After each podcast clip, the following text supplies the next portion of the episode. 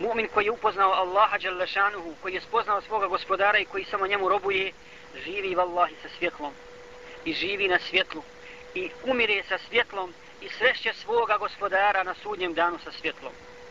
Kaže uzvišeni nuru na ala nuru, jehdillahu li nurihi men ješa, svjetlo na svjetlima, a Allah svome svjetlu upućuje onoga koga on, koga on hoće. Kada dođe sudnji dan i kada se podijeli, kada se podijeli svjetlo između mu'mina i munafika, i kada noga ponizno zakorači preko sirata, i kada munafici ostanu bez svjetla, kada im Allah oduzme svjetlo, to što bili lice, licemjeri, i kada se, tada će se vidjeti u istinu ko je plakao, a ko je se pravio da plaće. Munafici će ostati bez svjetla i dozivaće mjernike govoreći im unzuruna naktabis min nurikum qila rđu varakum faltamisu nura govorit će oni koji su isto tako klanjali i postili, davali zekat, ali su bili liceveni prema Allahu Đelešanu, nisu bili nejakinu, nisu bili ubijeđeni u, u, u sudnji dan i u posljednje Allaha Đelešanu pa kaže sačekajte i nas da se posli, po, poslužimo vašim svjetlom zamislite ljude koji su s nama bili u safu ili koji Allah zna, ne do Allah da neko od nas bude, bude među takvima. Kada dođe sudnji dan, ti utrošio svoj život, e i vladetio, i ljudi te smatrali dobrim. Ljudi te smatrali dobrim i poštenim muslimanom. Pa dođeš na sudnji dan i Allah ti oduzme svjetlo, ne uzubilno. Ne uzubilno. Onda kad ti je najpotrebniji, kad ti je najpotrebnije svjetlo da pređeš preko sirata, da pređeš džehennemsku provaliju i da uđeš u džennet siguran, siguran i spašen. Pa će reći, mi smo bili s vama. Zašto, zašto, uh, sačekajte nas qila rđu varaakum fel temisu nura kaj vratite se pa potražite, pa potražite drugo svjetlo u tom stanju i tom trenutku u tom trenu života na ahiratu na sudnjem danu mumini će prelaziti sa svojim svjetlom sirat čupriju.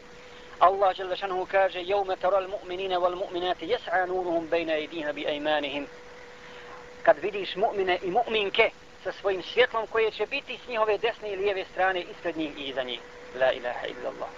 Musliman nije zadovoljan vallahi osim u blizini svoga gospodara osim u milosti svoga gospodara Allaha Đalešanuhu i nije zadovoljan osim sa džennetom koji je širok koliko nebesa i zemlja i koji je pripremljen za bogobojazne kaže uzvišeni evo men kane mejten fa ahjejnahu وجعلنا له نورا يمشي في الناس كمن مثله في الظلمات ليس بخارج منها zar je isti onaj zar je onaj koga koji je bio mrtav Allah će zašanuhu za onoga ko nije bio na, koji, koji je bio u džepu, koji je bio u zavu, naziva mejta, mrtvač.